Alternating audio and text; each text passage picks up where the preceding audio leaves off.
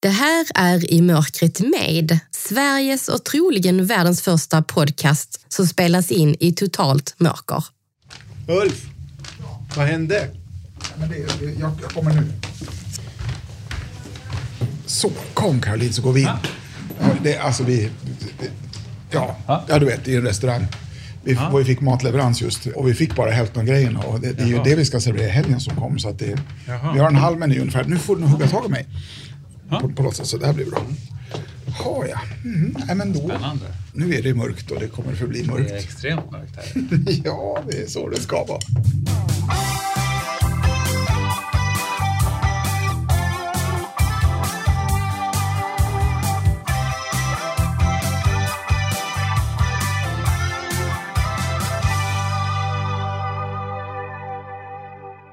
Hej alla lyssnare! I det här avsnittet möter vi en gäst som är Sveriges första högre näringslivschef som genomgått en könskorrigering och varit öppen med sin resa. I 50-årsåldern kom uppvaknandet och insikten om att hon alltid försökt piska sig in i den normativa follan. Idag lever hon det liv hon vill och är sig själv. Och hon kallar sig också för en inkluderingsjanki. Det här är I mörkret med Caroline Farberger. Det är helt platt och det kommer förbli platt. Ja, just det. Det är mest bara trösklar är för. Ja. Det... Och här, nu kommer en övergång mellan två golv. Nu har du passerat den. Nu ska du se Anna, nu har jag en gäst med mig. Hej Caroline, välkommen! Nu ska vi se, då är, nu krockar du in i din stol egentligen. Ta ner din hand. Där. Men då säger jag så här, Anna och Caroline, kör. Ja. Tack Ulf! Välkommen Caroline! ja, tack så mycket. Det är jättekul att ha dig här. Mm, kul att vara här. Hur känns det? När du kliver in i Eh, mörkret? Spännande. Det är klart att eh, det blir mer fokus som läggs på andra sinnen Ja. än synen. Det kände du med en gång eller? Ja, absolut. Ja, men framförallt är jag ju rädd att tappa balansen. Ja, du hade höga klackar lät det som. Ja, precis. Ja, men de är ju i och för sig breda, men ändå. Liksom, Ja. Jag vill ju inte snubbla över någon tröskel. Det är mer så. Nej, och jag kan säga det att jag eh, har väldigt sällan höga klackar nu för tiden. Ja. jag har ju sett tidigare, men det är en sån sak som, ah, det är inte lika stabilt. Och så då ska det vara brett liksom på Ja, klacken. ja. Du kan väl berätta till att börja med, med egna ord vem du är? Jag heter Caroline Farberger. Eh, jag är eh, 54 år gammal. Jag lever med min eh, fru och tre barn i en villa i Sigtuna. Jag arbetar som VD för ett försäkringsbolag, ICA Försäkring. Men det jag nu har sagt har inte varit så riktigt alltid. Jag levde som man tills för tre och ett halvt år sedan. Om du skulle beskriva dig själv alltså utifrån så här egenskaper. Eh, Jag skulle nog vilja säga eh, driftig, ambitiös, med stor eh, utvecklingsvilja, men också genuint intresserad utav eh, människor och, och ledarskap och eh, ja, nyfiken på människor. Det var så spännande, för du och jag har ju haft eh, eh, koll på varandra genom sociala medier ett tag. Ja, det är Eh, riktigt. Eh, när jag skrev till dig och frågade om du ville komma till podden, då var det också så här, ja, eh, du frågade liksom vad podden var för någonting, så du hoppade liksom inte in i det med en gång, utan du kollade upp först. är det liksom lite typiskt dig, eller? Ja, men det är väl liksom också så här att eh, jag har ju en, eh, en yrkesprofil eh, också och, eh, och den har jag arbetat hårt för att förtjäna. Då Ja. vill jag ju vårda den också och jag är ju en ganska medial person. eh, Men det är också någonting som behövs vårdas. Så att jag vill ju göra mina framträdanden med en medvetenhet. Vad var det som gjorde att du tackade ja till slut och kliva in här i mörkret? För det är ju också, det är ingen vanlig så här intervju på det, utan nu sitter vi här i mörkret. Ja, jag är väl alltid nyfiken på eh, nya saker. Eh, tycker om utmaningar. Det kanske inte är en jätteutmaning det här för poddar har gjort innan, men jag tycker ändå det är en ny setup. Men framförallt en nyfikenhet ifrån min sida. För mm. att eh, jag har nog tyvärr, får jag säga, i större delen av mitt liv eh, när jag har levt normativt, det vill säga som en vit medelålders heteroman. I vart fall trodde jag att jag var det. Det var så jag levde. Så var jag nu, i efterhand inser jag, kanske inte så uppmärksam på eh, och till viss del kanske till och med ignorant på hur livet är för den som inte helt uppfyller normen. Och nu när jag lever som en som kvinna som är transsexuell som, och faktiskt och lever i en samkönad relation också, så har jag ju på ett helt annat sätt fått upp perspektivet på hur det är att inte tillhöra normen på i vart fall ett par dimensioner. Och då blir det lättare för mig kanske att ana att eh, det finns ju många andra dimensioner som mm av livet som gör att man, man inte tillhör normen. Och då är jag nyfiken på hur kan vi tillsammans skapa ett mer inkluderande samhälle? Och, och, när skulle du säga, liksom, för det låter ju nästan som för dig som att det var något slags uppvaknande. Jo, ja, mm. men det var det. Och, och det är klart att om man nu tar så här, jämställdhetsfrågan man-kvinna, det är ju den som har kanske berört mig mest så eh, har jag naturligtvis varit medveten om att det har funnits skillnader. Skillnader i eh, lön, skillnader i eh, kanske befordringsgång och seniora befattningar i näringslivet och så. Men jag har hela tiden trott att men det där är väl utifrån eh, ett utfall utifrån vem som är intresserad av någonting och den som är mer intresserad kommer väl längre fram med den som inte är det. Det var ju först när ehm, jag började leva som kvinna och på ett annat sätt kunde prata på djupet med andra kvinnor som jag förstod att det finns ju så många osynliga hinder i näringslivet som man kanske inte ser om man tillhör normen. Och det var då jag insåg att det, det är väldigt svårt att inse utmaningar som icke-privilegierade har om man själv är privilegierad. Mm. Och att vara privilegierad i näringslivet, det är man ju om man är vit medelålders heteroman och utan funktionsvariation. Skiljer, skiljer man sig på någon av de parametrarna så börjar utmaningen bli något större. Jag tänker, vi har ju, det är gemensamt, tänker jag, du och jag, att eh, ja, man nog kan jämföra så, men jag har ju varit seende tidigare. Mm. Så för mig blev det ju lite av ett uppvaknande när jag förlorade min syn. Mm. För att även om jag hade en synnedsättning eh, ja, ganska tidigt i livet så kunde jag ju välja i olika sammanhang om jag ville berätta att jag såg dåligt ja. eller inte. Det kan jag ju inte idag. Nej. För då har jag ju vit käpp och eh, det syns nog ganska fort på mig att jag inte ja. riktigt vet vad jag är. Och jag har ledarhund och så. Ja. Så jag tänker, för mig blev det ju också så här, oj, men så här bemöttes inte jag tidigare. Och då är jag ju kvinna, ja. det har jag ju varit liksom. Eh, men just den skillnaden där att gå från att bryta den här ja. funktionalitetsnormen, tänker jag. Ja, ja men, det, nej, men det stämmer. Det en del saker syns, en del syns inte. Att jag eh, mm, eh, lever som kvinna syns ju absolut. Eh, det faktum att jag ingår i en samkönad relation, det syns ju inte. Det kan jag ju själv välja att berätta eller också välja att hålla tyst med det. Och tyvärr känner jag ju personer som väljer att vara tyst med det för de är rädda att bemötas av fördomar tror du liksom att man alltid måste gå igenom någon slags förändring själv för att få det där uppvaknandet? Jag är så ledsen för att jag själv inte eh, vaknade upp tidigare. För att det, det känns ju inte som att jag har dålig insatt i fakta. Jag, men jag, har levt ett storstadsliv och god informationstillgång och ja, så. Mm. Men det är liksom som att poletten inte riktigt trillar hela vägen ner. För att eh, det jag har kanske inte haft personer av en annan sort i mitt umgänge. Och då börjar jag ju fundera på, okej, okay, men hur, hur liksom kan jag använda resten av mitt liv till att eh, för det första exponera mig för personer som är olika mig på olika sätt och sen så aktivt intressera mig för deras situation. Jag är en inkluderingsjunkie. Jag tror ju på allvar att vi som näringsliv och för all del samhälle kan tillsammans åstadkomma bättre resultat om vi skapar mer eh, jäm, jämlika och inkluderande förutsättningar så att alla samhällsmedborgare eller i näringslivet medarbetare då kan utveckla sin fulla potential ja. utan osynliga hinder.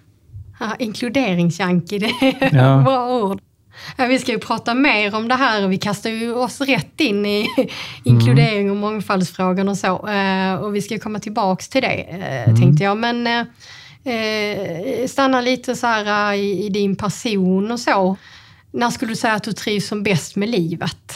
När jag har roliga saker som håller mig sysselsatt. Det kan vara jobbet och roliga uppgifter, men det kan också vara att fixa på huset hemma. Men också att jag gläds tillsammans med mina familjemedlemmar om någonting händer, framför allt om barnen, om det händer någonting roligt i skolan eh, eller annat. Va?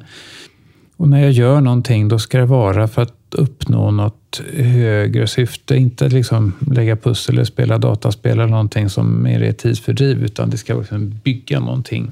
Eh, då känner jag att jag liksom eh, jag lämnar efter mig ett avtryck mm. Eh, på något sätt. Och det kan man ju säga att du redan verkligen har gjort. Och du har ju gjort otroligt mycket. Jag tänker Alltså du, du läste så här, dubbla utbildningar, mm. eh, Chalmers och Handels mm. samtidigt. Riktigt. ja. Men om vi tittar tillbaks på din barndom då. Mm. Jag läste ju din bok. Två saker jag verkligen fastnade vid här. Det ena var ju att eh, du la strumporna på varsin sida om sängen för att du ville vara säker liksom på att vänsterstrumpan hamnade på vänster fot och eh, högerstrumpan på höger fot. Ja, för tänk om det blev fel. och det var viktigt? Ja, men eh, jag var nog liksom... Eh, jag tycker om struktur, kanske. Men nu blev jag nyfiken när du sa läste. Du menar att du lyssnar på min ljudbok? Ja, jag har lyssnat på det. Ja, ja, du säger så jag läser. Ja. Det är så här mm. för att man alla säger det. Ja, ja. Men jag lyssnade ju och ja. du har ju läst in den. Så, Just det. Ja. Får jag säga vad den heter också? Då? Jag, Caroline. Just det, Jag, Caroline heter den. Ja, men den tycker jag alla ska läsa, mm, lyssna roligt. på. Du har ju verkligen gjort en resa på många olika sätt, tänker jag. Eh, Henrietta Westman. Westman, helt, ja. helt riktigt. Hon beskriver dig som en person som går all in och som är modig. Ja, det var vänliga ord formulerade av henne. Ja. Känner Nej, du igen det? Jag tycker inte om att göra saker halvdant. Gör jag någonting så lägger jag in hela min själ i det, annars blir jag inte nöjd med mig själv. Och jag tycker om att och eh, ta mig an nya utmaningar. Nästa utmaning behöver vara större än den tidigare, annars blir jag uttråkad. Men har det alltid varit så? Sen du var liten? Ja, men det har nog alltid varit så. Jag vill framåt på något sätt. Eh, jag vill inte försvinna i mängden någonstans. Jag vill att eh, mitt liv ska på något sätt ha haft en mening. För då känner jag mig nöjd med mig själv. Så på något sätt ha åstadkommit eh, saker.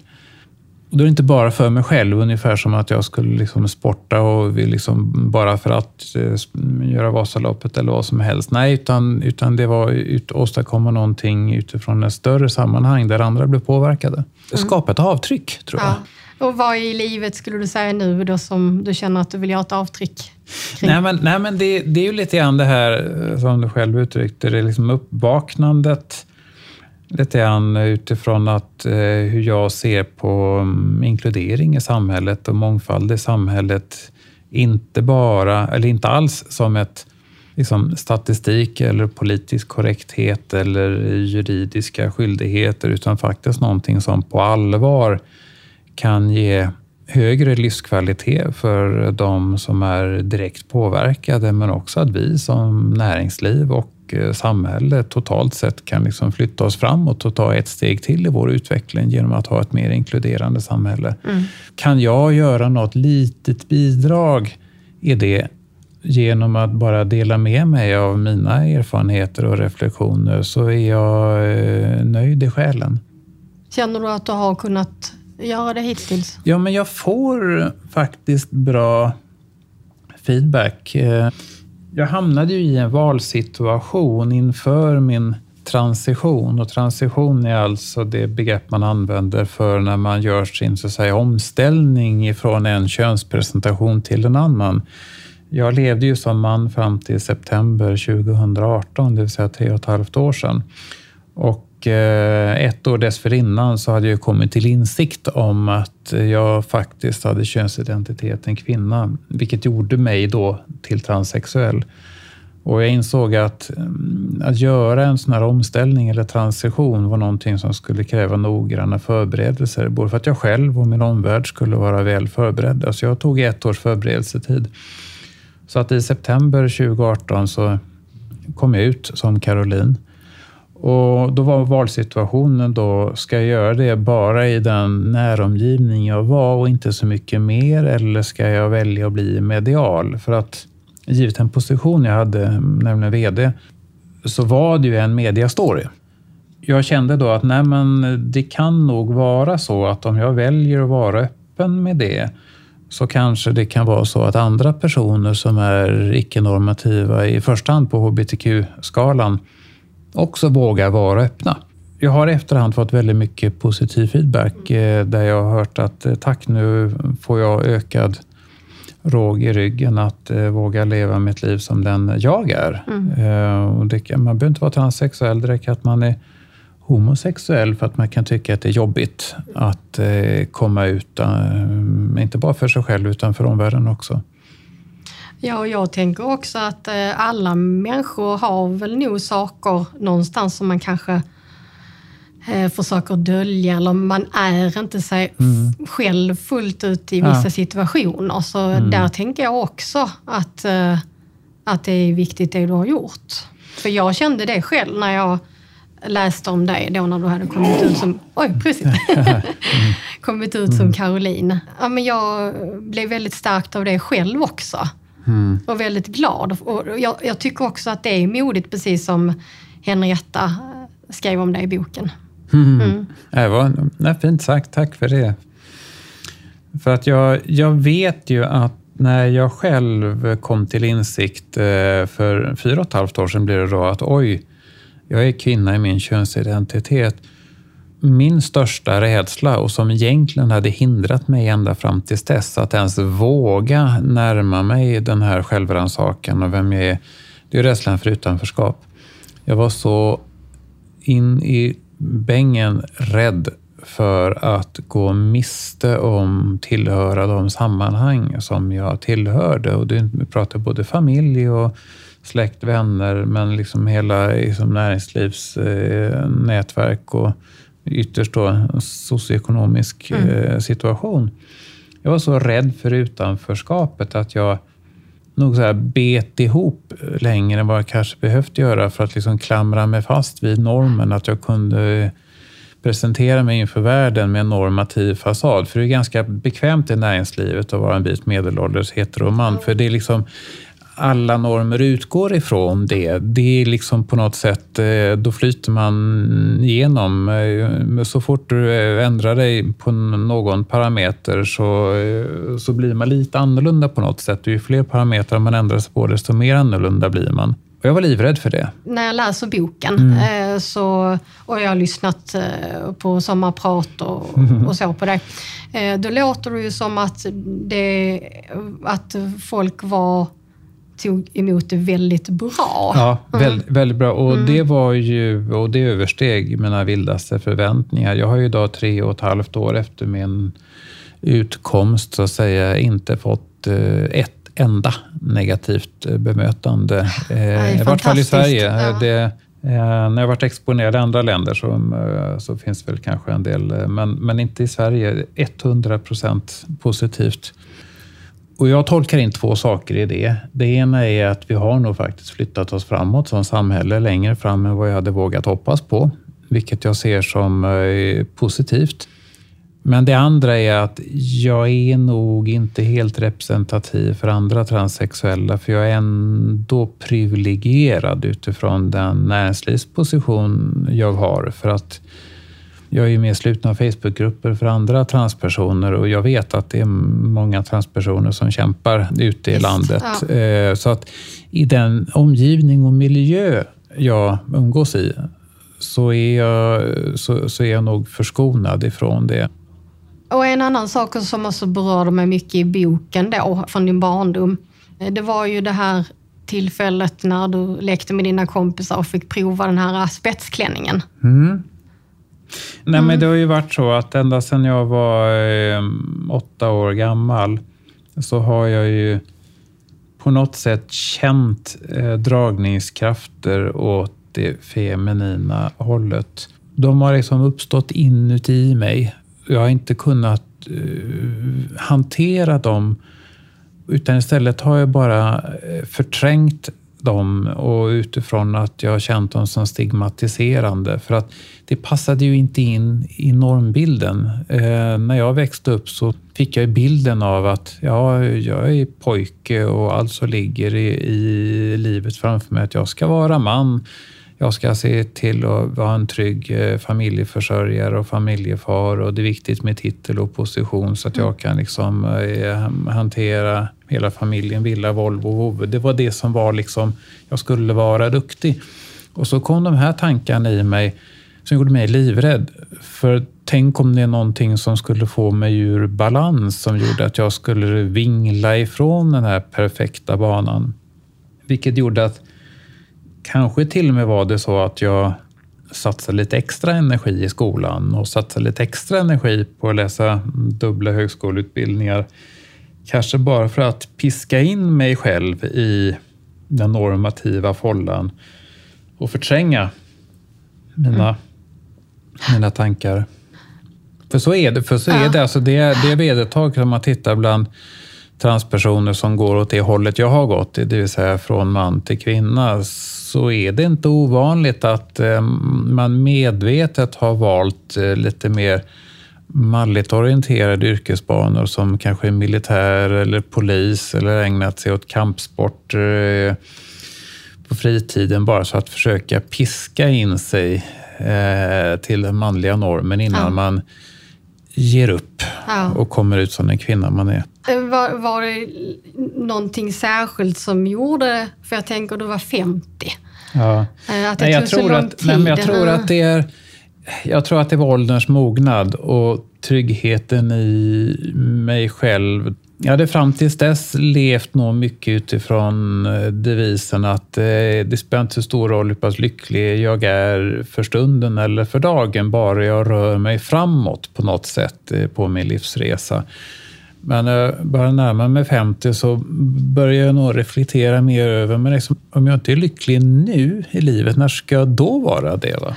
Och så börjar jag fundera lite allmänt på, liksom, är jag lycklig idag eller inte? Och så känner jag, nej, jag, nej jag, jag märker att en del andra personer kallar, säger sig vara lyckliga. Nej, men lycka, jag har svårt att relatera till det. Jag känner mig inte lycklig. Jag gnetar på liksom. Sen så funderar jag på, men vad är det som...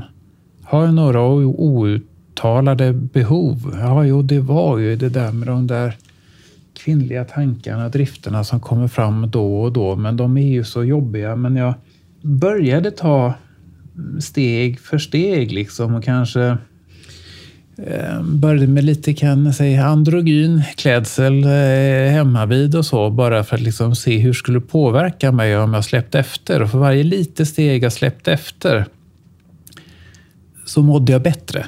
Och de där buskiga ögonbrynen, och började kanske plocka dem och trimma dem lite grann. Och var försiktig så ingen skulle märka någonting. Men ju mer jag gjorde det, desto bättre mådde jag. Ja. Och det var då jag började inse, men, men vänta här, jag, jag är nog någonting på spåret. Då kände du dig mer lycklig? Ja, och då kände jag att oj, men här är nog någonting som jag inte kan liksom förneka. Det är en skrämmande känsla om man skulle dra det i sin yttersta förlängning, Mm. men jag mm, bara måste fortsätta. Ja. Eh, Caroline, vi ska eh, ta in lite mat och dricka, Oj. tänkte jag. Och landa lite i det här. Ja. Här får du en, en grej. Skulle kunna öppna det. Ja, skulle kunna Framför öppnare. så har du ett glas, eller jag, du har en flaska och du har ett glas. Sen har du en servett där till vänster om glaset. Så kan vi börja med att du trixar lite med de där grejerna. Det lät bra. Ja. ja det- jag vill gärna höra det kluckande ljudet. För Ja. Okej, jag har hällt upp lite igen. Ja. Kom det någonting? Det lät nästan Ja, inget. jag, jag hörde ett par kluckanden. Här får du också en skål så Ja. du kan behöva någonting. Så vad ska jag göra nu? Eh, Du kan testa. Känner du skålen där framför Ja. dig? Det är lite, lite frasigt och sådär. Det, Ja. kan, det kan vara liksom chips eller cornflakes Det är eller lite så här någonting. fredagsmys nu. Ja, lite fras. Ja. Ja. Ska jag smaka? Absolut. Eh, Det luktar lite ostaktigt kanske. Det skulle kunna vara Ja. nachos. Och bara... Jag jag vet ju att eh, du inte äter eh, mjölkprodukter så jag ska Ja, berätta det- sen när du... Det känns ju som, som snacks. Det vara sån här baconaktiga snacks. Ja, det, det är, är det inte. eh, Utan det är ju någon annan variant på chips. Det finns ju massa Ja, olika men, idag. någon, någon form av snacks i varje fall. Ja. Ja. Försöker lukta här om det är... Känner du vad det är för smak då? Nej, jag är inte jättebra på smak. Jag- Det, det är inte ost, men det, är, det skulle kunna vara det med. Mm.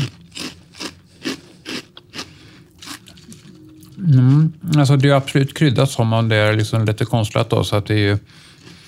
Det är lite drag i dem va? Mm. Mm. ja. Det är lite grill, åt grillhållet. Ja. Det är faktiskt eh, veganska linschips. Oj! Jag hade Eh, aldrig kunnat gissa. Så nej. det var bra att du sa det, så det förkortade mm, programmet med timme. Och sen är det jalapeno-smak och ostsmak, men det är ju vegansk ost då Ah. förstås. Anna, jag vill också bara flika in här att det är ju jätte, det är idealiskt. Vi har inte haft chips någon gång innan tror jag. Eh, idealiskt med, eh, alltså ljudmässigt så, så både, drycken och, och, och chipsen är väldigt väl. Ja. Vi, vi är lite nördiga med ljud. Gillar är det. Ja, jag det. förstår det. Ja, vi gillar ljud. Mm, Jag tänker så här på fredags eftermiddag på, på lite snacks. Här. Ja. Ja, det är bra. Det ska man ha. Jag ska Ja. dricka också. Ja, Kanske ät ur munnen då. Hoppas det kom något i glaset. Men det är ganska stort glaset så det är ganska lugnt där. nej, det kom faktiskt ingenting. Jag var feg när jag hällde upp. Jag får, Du kan hälla på. Ja, du är försiktig där, hör jag. Mm. Ja. Mm. Det är nog smaksatt kolsyrat mineralvatten. Frågan är med vad. Jag vet inte, är det smaksatt Ulf? Nej, jag tror faktiskt att det är, Vanligt eller? att det är Ramlösa light. Kanske det. Det, är som, om- Nej, men det är inte light, det finns inte. Men, men det, det kunde vara något det, det ska svag- egentligen bara. Ja, nej, jag var lite feg när jag hällde upp här. Jag- Men, men det hinner jag ju tänka liksom att hur skulle jag göra om jag hällde upp så här? Jag skulle ju... Jag vet att en flaska är 33 centiliter. Jag skulle insistera på att inte ha några dricksglas som- är mindre än 33 centiliter. Jag skulle liksom vilja ha glas som garanterat tar en hel flaska. Smart tänkt, eller hur Ulf? För det är precis vad du har tänkt. Bra reflektion, verkligen. Den, Ja. Den uppskattas, för det är, är så vi jobbar. Ja. Vi, vi ser till att saker och ting ska kunna gå i. Det är rätt bra, för annars är ju tricket att stoppa ner fingret i eh, glaset eller muggen. Och jag gillar ju inte det där själv när det är varm vätska. Ja, just det. Så, Men varm mm, vätska tycker jag går lite bättre, för då, då hinner jag alltid flytta på fingret. ja, för man känner att Men nu börjar det bli varmt. sig, Då, då är det oftast dags att sluta också hälla i Ja, just kaffe teet. Mitt trick är att ha stora muggar. Ja, Det är ett väldigt bra trick. det är det. Ja. Och det var väl det där vi började, att det är klart man ska ha ett glas som är större än, än flaskans innehåll. Ska vi ta lite musik Ulf innan vi fortsätter och samtalet här? Ja. hämta ett hjälpmedel. Ett hjälpmedel, ja precis. Ja. Vad har du till oss nu då Ulf? Vad sa du? Vad har du för låt till oss nu då? Jag har en sång som heter En värld för människor och den handlar väl egentligen bara om att det är bra att vi kommer från olika håll och kommer med olika inputs till varandra. Jag behövs och du behövs. Vi kan ge varandra något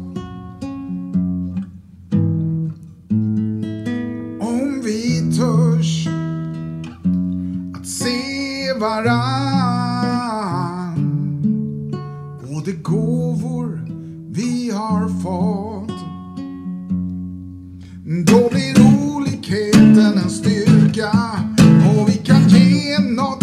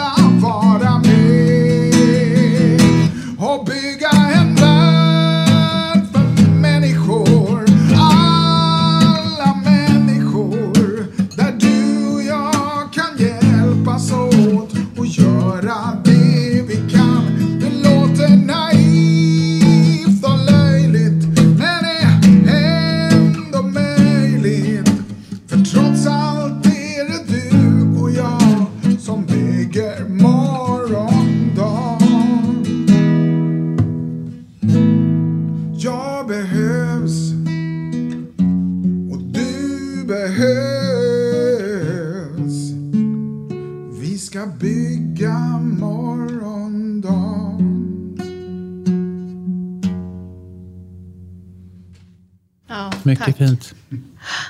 Tänkvärd. Om det vore så enkelt va? Ja, det vore så enkelt. ja. När vet man eh, om man är sann mot sig själv, Caroline?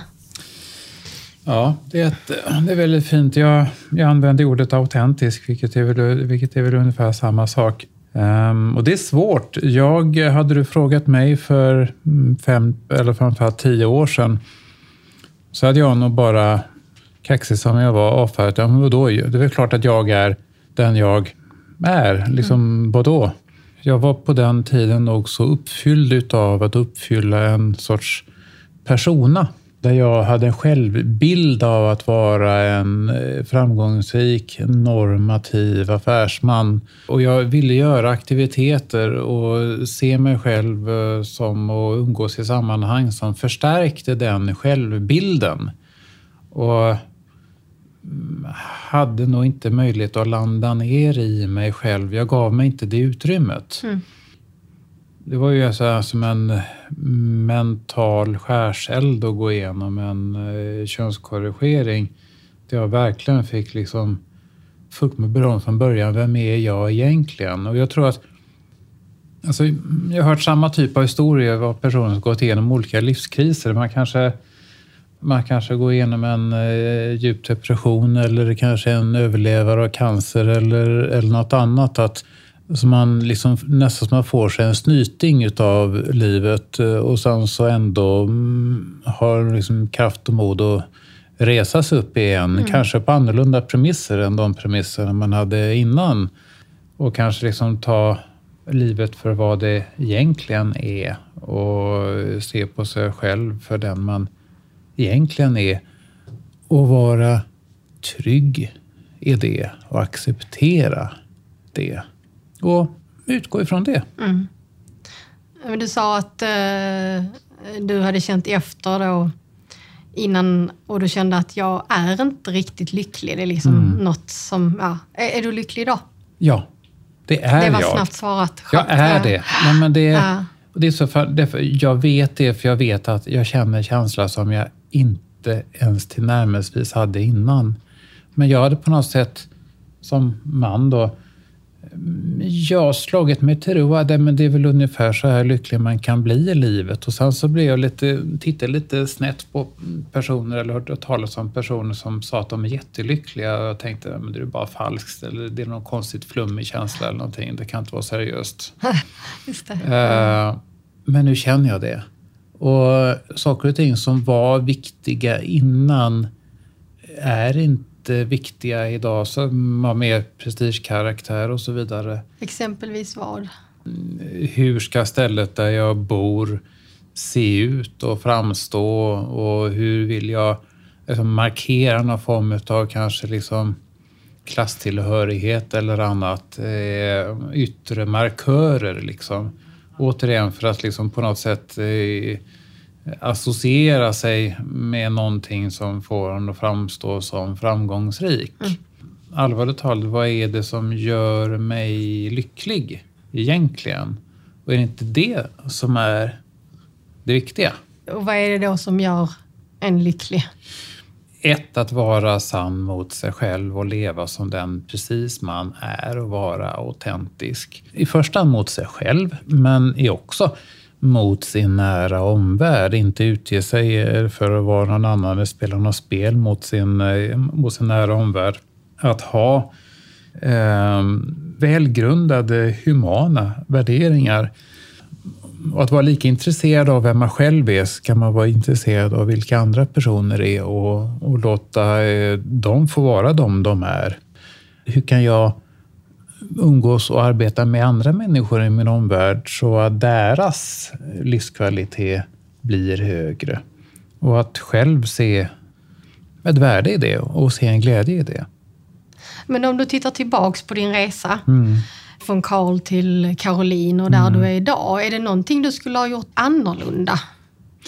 Alltså jag, jag har ett mindset eh, ut, från att inte titta bakåt på det sättet. Den uppenbara frågan är ju, vad hade hänt om jag hade liksom bejakat mina känslor när jag var åtta år gammal? För det var då de började, vilket är liksom jättemånga år sedan. Eh, är jag ledsen för det? Eh, det hade varit kul att gå på en studentbal i en vacker klänning och inte behöva ha den här kostymen jag hade. Det hade varit underbart att få gifta sig i en brudklänning och inte behöva ha den där fracken som jag inte trivdes i. Men det var de parametrarna som gällde då och jag kan liksom inte skruva tillbaka tiden. Det enda jag kan göra är att där jag är nu göra det bästa möjliga utav det liv jag har framför mig. Både för mig själv och för andra i min omvärld. Jag tror det låter väldigt klokt. Och nu eh, ska du ju ta ett nytt steg i, i karriären. Ja. ja. Det är spännande. Du lämnar ju din position nu som eh, VD för ICA Försäkringar. Just det, ja. Och ska gå in i riskkapitalistbolaget Well Street. Helt riktigt. Ja, berätta, varför har du ja. valt att gå vidare nu då? Jag har ju jobbat med eh, försäkring i vart fall 25 år och eh, jag tycker att jag kan det väldigt bra. Jag är 54 år gammal. Jag har tänkt att jobba många år till men jag vill lära mig nya saker och jag tycker, kanske lite kaxigt, att det inte finns jättemycket nya saker jag kan lära mig med försäkring. Jag har varit runt de flesta olika positionerna i ett försäkringsbolag. Men eh, framförallt så brinner jag för entreprenörskap och den resa vi har varit igenom nu på ICA Försäkring, det är ju, jag är jätteimponerad av sex år och ja. har vi gått från noll i omsättning till 800 miljoner i omsättning ja. och det går bra. Vi är ordentligt mm. lönsamma också, så det är jätteroligt. Jag tycker det är så roligt med entreprenörskap, så jag vill arbeta med fler entreprenörer. Och genom att gå till då vad man kallar ett venture capital-bolag. Eh, det är en, det är en delmängd av riskkapitalbranschen. Det finns olika typer av riskkapitalbolag. Det finns sådana som liksom, vet, köper upp och styckar bolag och så vidare. Men att venture capital-bolag då går man in och stöttar entreprenörer. Man kanske tittar efter någon entreprenör på stan som behöver kapital för sin affärsidé och så kommer man som venture capitalbolag och säger att eh, ja, men, vi kan betala 5 miljoner kronor för 20 procent av ditt bolag så får du pengar och, eh, och, och liksom satsa på din idé och så mm, kan vi hjälpa och stötta dig så du kommer vidare. Ja. Men fortfarande så är entreprenören eh, den själv som driver sitt bolag. Och så kan man arbeta med ganska många entreprenörer eh, och ha liksom en portfölj av entreprenörer man stöttar och det ska bli otroligt kul. Och Well Street är ett exempel på ett venture capital-bolag som har då investeringsfonder. Vi hämtar in eh, pengar från externa investerare som lägger i en eh, fond, ett antal hundra miljoner kronor.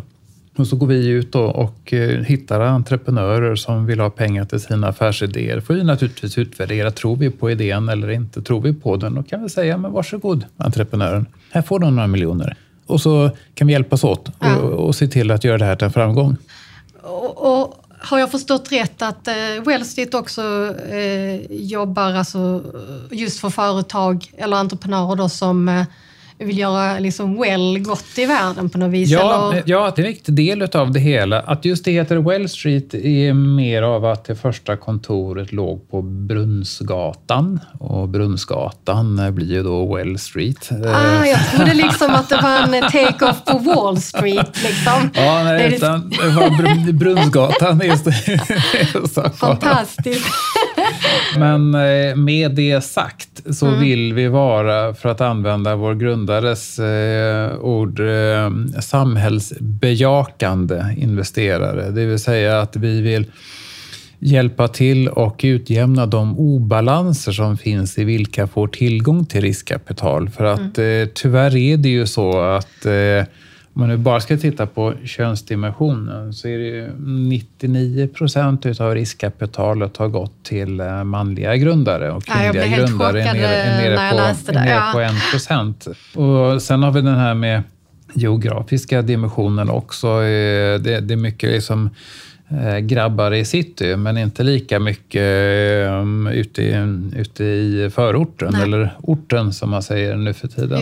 Så att det, det finns ju olika initiativ här som jag, både jag och Mikael Wintzell som är eh, Wellsys grundare är inblandade i för att eh, hjälpa entreprenörer från orten. Eh, ofta då eh, som eh, nysvenskar för att förverkliga sina idéer. För att det finns en enorm entreprenörsanda ute i eh, orten, eh, men eh, som kanske inte har tillgång till samma kapital som, eh, som någon som har liksom, kanske har nätverken ifrån eh, mer säga, citynära miljöer. Och vad tror du att du kan bidra med där då? Nej, men jag tror att eh, bara det faktum att jag är en så uppenbart icke-normativ person, eh, det uppenbara, transsexuell, eh, gör att jag tror och faktiskt känner att jag kan få så här, mm, framstå som mer tillgänglig för eh, andra entreprenörer som är icke-normativa på någon dimension. Annars kan det nog kännas lite skräckinjagande med, eh, med att liksom försöka liksom approchera eller söka kontakt med mm, personer som man uppfattar liksom tillhör finanseliten och, och ser ut som finanseliten och beter sig som finanseliten. Och här kommer jag liksom med min idé och, liksom och, och så vidare. Eh, jag har ju tänkt mycket på det här med entreprenörskap eftersom jag själv, jag har ju själv drivit företag eh, länge, men då i mindre skala, en, en enskild firma. Och det var ju också ett sätt för mig att komma ut i arbete eftersom eh, just bland personer med synnedsättning så är ju siffrorna, det är 52 procent eh, av eh, ja, Synskadades riksförbunds medlemmar då, som är i arbetsför ålder som har jobb och jämfört med 83 procent i, i befolkningen i övrigt. Eh, Så för mig var det ju ett sätt att komma ut i arbetslivet. Och sen kände jag också ganska snart att det där passar ju mig. Eh, Jag var ju entreprenör redan som barn och du vet, så hade tidning i skolan och som folk kunde prenumerera på. Och, ja. Ja. lite sådär. Så det har ju på något vis ändå varit jag. Ja. Eh, Och jag vill ju förändra det här med tillgänglighet, och inkludering och funktionsnedsättning och så. Och det blir jättetydligt nu när jag begav mig in i den här världen att det är ju ingen där med synlig funktionsnedsättning heller. Och jag vet ju att det är många som driver företag eh, just för att det är ett sätt att få jobb. Liksom. Ja. Vad tänker du kring det? Eh, Av alla företag som finns i Sverige så är den absoluta merparten är vad man kallar eh, så att säga, levebrödsföretag. Det vill säga att man hanterar sin inkomst i ett egenföretagarförhållande till skillnad från att vara anställd hos, hos någon annan. Och det är en form av entreprenörskap i det också. Eh, Det som jag kommer att börja arbeta med som eh, i ett venture capital-bolag, det är ju den typen av idéer där, eh, där man vill ta in extern kapital för att växa. Vilket är, vilket är en annan, annan sorts företagande. Och där när jag har rört mig då i de sammanhangen nu, det är ju väldigt normativt. Mm. Bara en sån sak som jag var med och skulle tävla. Det finns en tävling eh, som heter Venture Cup. Just det. Som bland annat, eh, ja, eh, det handlar ju om eh, att eh, kunna få kapital och investeringar och sådana Mm. där saker. Och jag fick också hjälp. Det finns ju olika föreningar som hjälper en också med. Mm. sitt entreprenörskap. Och, då, och, och fastän liksom de visste att jag hade sagt att jag är blind så Mm. skickade de över, ja, men titta på det här och, och det var ju massa canvas och bilder och snygga grejer och visuellt. Och, Ja. Ja, nej, men, nej, Ja. men, nej, men det är jätteintressant här. Ja. Man är ofta blind för liksom, eh, hur andra kan uppfatta det. Men därför är jag så glad där. Det, det konkreta initiativ jag och eh, min kollega på Wall Street, eh, Mikael Wintzell, kommer att vara inblandade i, det är ett sånt här mm, mm, affärs eh, eller typ draknäste-upplägg som är riktat mot, eh, mot förorten som heter Shift. Och det drivs av eh, nyhetsbrevet eh, Breakit, Stefan Lundell och eh, Dekka Abukar som, eh, som driver ett nätverk som heter Bling med att då gallra fram affärsidéer som kommer från, inte Stureplan, utan kommer utifrån orten. Där jag kommer att ingå i panelen utav drakar. Tricket är att hitta de som faktiskt kan växa och bli större om Ja. de får mer kapital. Ehm, för att exempelvis att, att man själv går ut och håller föredrag och tar pengar för det, det är ett levebrödsföretag. Det är svårt att skala upp det för att man har ju bara en, sin egen arbetstid och sen tar den slut. Men däremot om man säger att Nej, jag vill driva en talarförmedling, ja, men då är det ju helt plötsligt ett eh, affärsupplägg som kanske liksom, ja, man, man får en, en påse pengar och liksom sätter upp en struktur kring det så, så kanske det, det kan växa. Då är det en affärsidé som är liksom skalbar, som man säger på entreprenörsspråk. Nej, men jättespännande. Alltså, vi har ju pratat både om det här med mångfald och inkludering nu Mm. och det här med att ja, men, det investeras eh, väldigt lite i orten och i underrepresenterade Mm. Ja. grupper så att Ja. säga. Alltså hur får man de här eh, icke-frälsta personerna att bli frälsta och förstå att ja, men det här Ja. Mm. är liksom bra på så många sätt. Alltså, menar du entreprenören eller investerarna? Eh, ja, jag tänker ju egentligen hela samhället så här. Alltså Ja. Jag tänker att de som inte bryr sig idag, det kan ju vara investerare. Nu vet jag inte om det inte är att de inte bryr sig eller om det är att de inte förstår. Eh, och jag tänker också företag, att eh, varför jobbar man inte mer med mångfald och, och inkludering? Eh, man kanske pratar om det, men det handlar ju om att ta tag Ja. i det. Hur får vi dem att bli frälsta som inte riktigt är det?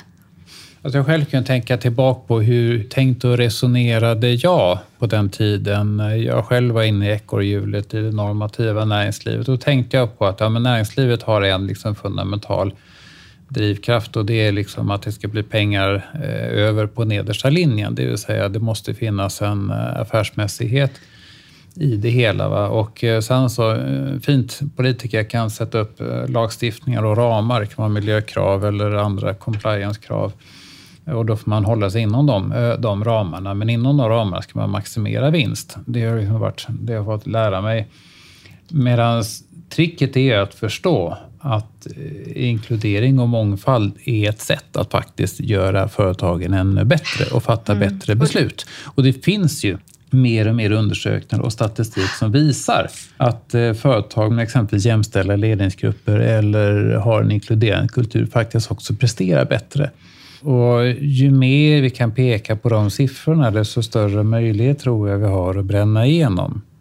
Men det sitter hårt åt för att eh, det innebär ju att man kanske måste tänka om. Och jag vet att jag själv var, alltså jag hade ju levt som man i 50 år när jag kom till insikt om vem jag var.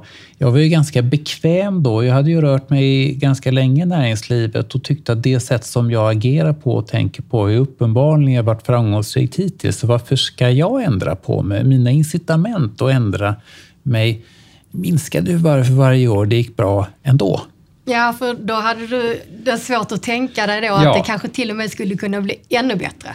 Ja, precis. Ja. Men det, och jag, liksom, skulle jag vilja gå tillbaka till mitt gamla jag, skulle vilja eh, slå en drämma en eh, stekpanna i huvudet på min, eh, på min gamla persona. Och liksom undrar, nu fattar inte liksom hur pass ignorant du är, men det är, det är jobbigt att eh, tänka att eh, saker och ting kan bli ännu bättre om man gör på ett annat sätt. Ja, det är ju en förändring också. Det är ju, Det är ju, det. Och- ja, och- och som kan vara svår också. Ja, och förändring är jobbigt. Det är det. Nej, och jag måste ju också tillägga, eftersom jag jobbar med just eh, frågor kring funktionsnedsättning och tillgänglighet och så. Det finns ju även studier där, för det tänker, det tänker nu många, nej men varför skulle det liksom göra någon skillnad? Det är inte jättemycket forskat och studier på det här än, men det finns ju en som där de har gjort en, en granskning av massa bolag då i USA och eh, där man kan se då att jobbar du med inkludering och tillgänglighet eh, då kan du öka din lönsamhet med 28 procent. Jag tror det är helt enkelt så att eh, sätter du ett antal personer runt ett bord i ett rum där alla är likadana så blir inte innovationskraften särskilt hög. Du fastnar lätt i gamla tankebanor medan det går i och för sig fort att fatta beslut. Ja. Så man kan uppfatta att det här är ju jättesmidigt. Sätter du personer av, mm, med olika perspektiv, antingen eh, härkomst eller socioekonomiskt eller, mm, eller andra parametrar som gör oss annorlunda som människor. Så ja, diskussionen kan nog ta lite längre tid, men du ökar sannolikheten att du fattar ett riktigt bra beslut i slutändan. Jag brukar ta det som exempel med tanke på innovation med att eh, fjärrkontrollen och engreppsblandaren var ju saker som togs fram för personer med funktionsnedsättning till en början som hjälpmedel. Jaha. Och det är så här lysande exempel på att eh, om vi hade liksom tagit in eh, personer då med olika funktion, olika förutsättningar i funktion. Tänk vilka bra produkter vi skulle få då, för det är ju Ja. ingen som klarar sig utan en fjärrkontroll Nej, nej. och engreppsblandare. Va? Alltså det Ja. är ju jättejobbigt när Ja. inte de finns. Ja. Ja, Caroline, då tiden har rusat iväg. Jaha. Det är dags att börja avrunda. Hur länge tror du vi har suttit här? Eh, en timme kanske. 45 minuter, 50 Ja, minuter. timme. Ja. Lite, lite drygt en timme, ja. Det är ungefär så här. Det är den här graden av trötthet jag känner efter en timmes eh, dialog. Under, ungefär. Ja, du mäter så ja. Ja, det är... Ja, det är mer så. tänkt, det, ja. det, det är så här mycket jag har hunnit få diskuterat för att eh, jag har gjort en del poddar innan så att man, man känner efter ett tag. De har nog precis. pratat lagom länge. Men du är en av dem som har prickat rätt bra i tiden. För de flesta brukar tro att de har suttit här alltså kortare tid. Vad tar du med dig härifrån då?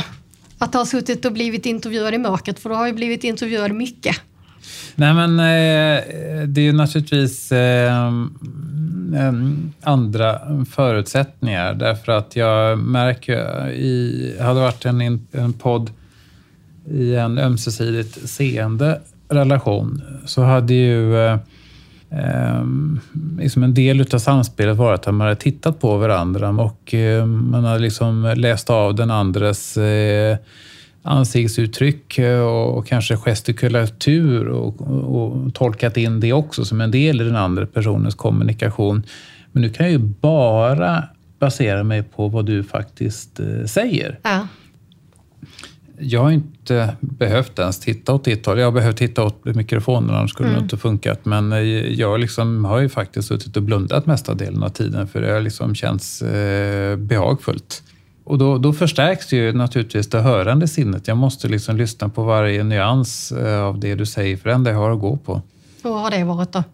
Nej, intressant. Intressant, för att eh, då, då använder jag ju det sinnet lite mer. Och då ins, inser jag att då behöver jag liksom, ja, kompensera upp. Liksom. Och så eh, allt eftersom vi har suttit här så har jag liksom försökt lära mig lite grann med, med henne exakt hur, hur, hur stort är bordet och var går gränserna och, eh, och så. Ja. Eh, man eh, använder ju sina andra sinnen när man liksom ett plockas bort. Liksom. Och Ja. det där utvecklar man ju såklart om man är blind under en längre tid. Så är det ju. Ja, och, eh, och jag har inga... Hade du suttit där och jag varit en seende miljö så hade jag liksom eh, sett ditt utseende och kläder och valt att tolka till. Min hjärna hade börjat skapa förutfattade meningar om och i och med att man vill alltid liksom fackendela personer Ja. och så. Nu kan jag ju bara höra, ja men jag hör ju uppenbar skånsk dialekt då i och för sig. Och, och, och, det, och, Ja. och bara det kan ju trigga igång eh, liksom en sorts fackendelning. Men sen tar det stopp. För det Ja. finns ju bara rösten att gå på. Nej, men det är sant och det är en av de fördelarna jag tycker med att vara blind idag. Eh, Att jag lyssnar på folk. Jag liksom läser inte in massa utifrån hur de ser ut med en gång. Det är ganska skönt. Ja. Sen kan man ju ändå plocka in folk i fack utifrån hur de låter, såklart. Vi ska avsluta med lite snabbfrågor. Ja. Eh, antingen eller. Mm. Eh, te eller kaffe? Kaffe. Kött eller grönsaker? Ja, faktiskt grönsaker. Ja, faktiskt. Har det varit mycket kött innan eller? Nej, men vi har, vi, vi- har en väldigt högt grad av klimatmedvetenhet hemma, så CO2-trycket eh, präglar eh, min familjs mathållning. Bok eller film? Eh, bok. Tankspridd eller fokuserad? Fokuserad. Ja, det tänkte jag nästan att det var givet. Hemmakväll eller utekväll? Ja, men hemmakväll. Nytt eller gammalt? Ehm, eh, ja, nej men nytt. Prata eller lyssna? Lyssna. Ljus eller mörker? Eh, ja, men ljus. ska jag få skriva gästboken här, Caroline. Vad Jag kommer spännande. bort till dig. Ehm, nu har vi pratat väldigt mycket jobb och sådär, men alltså Mm. när du eh, är ledig, Mm. vad gör du för någonting då? Nej, men, jag, ehm, jag tycker om att fixa med huset. Renov renoveringsprojekt. Ska jag lägga på tunnan? här? Renoveringsprojekt hemma. Här, här kommer du med Är det någonting. inne eller utomhus eller där? Eh, både och beroende, beroende på säsong här. Ska se. Får jag nästan känna Känner på, du där på nu? fing. Du har eh, boken där uppslagen. Ja, ska jag måste vrida till pennan här Jag kanske? tror det är en sån där med lock. Känner du det? Ja, Och sen eh, på höger sida Mm. från dig sett så har du... Där kan du skriva.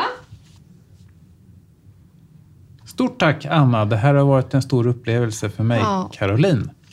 Tack snälla. Det var det jag vill ha fått skrivet. Får vi se om det blir det eller inte. Ja, tack så eh, jättemycket. Eh, det har varit ett jättefint samtal. Jag tycker tackar jag. dig för Ja. det fina samtalet. Och tack för att eh, du är där själv. Ja, vad kan, kan eller vill vara någon annan längre. Nej, det är härligt. Och lycka till nu med dina nya jobbprojekt och allt. Mm. Stort tack för det. Ja, tack. Då ropar jag till Janne här nu genom eh, micken att han ska vara beredd med, med lite kamera ute. Eh, Caroline, Mm. hur ser du ut förresten? Jag vet inte hur du ser ut. Du får känna på mig, du får komma runt. Ska jag känna på dig? Nej, men, eh, borde Det ha brukar jag inte göra. Men du är ganska lång va? jag är ganska lång. Ja, Jag har jag lite klack också. ja. Ja, men eh, du, Du ser. Du, får känna. Ja, du har, eh, och det brukar egentligen inte vi göra när jag är ett undantag. Du har blus som känns väldigt fin. Du får känna på Ja. hår och ansikte och vad du vill. Men håret känner jag kort. Nej, lite, lite längre fram Ja, känns det som. ja det är... Är du ljus eller mörk? Eh, alltså egentligen är jag nog gråhårig som 54 Ja, just det, ja, det är men, alltså, men, men, jag- men jag Ja. färgade kastanjebrunt. Ja. Tack för att du lyssnat. Och gillar du I mörkret med och det vi gör så får du jättegärna betygsätta oss i din podcast-app. Och tipsa gärna andra om att I mörkret med finns. Vi vill tacka vår samarbetspartner Svensk skrivtolkning som gör det möjligt för fler att ta del av podden genom att texta våra avsnitt. Och textade avsnitt hittar ni på vår hemsida imokretmed.se. Och I Mörkret med är tillbaka igenom tre veckor och då hör du mig och Fatmir. Och har ni frågor till oss om hur det är att leva med en synnedsättning så kan ni mejla på hej imokretmed.se.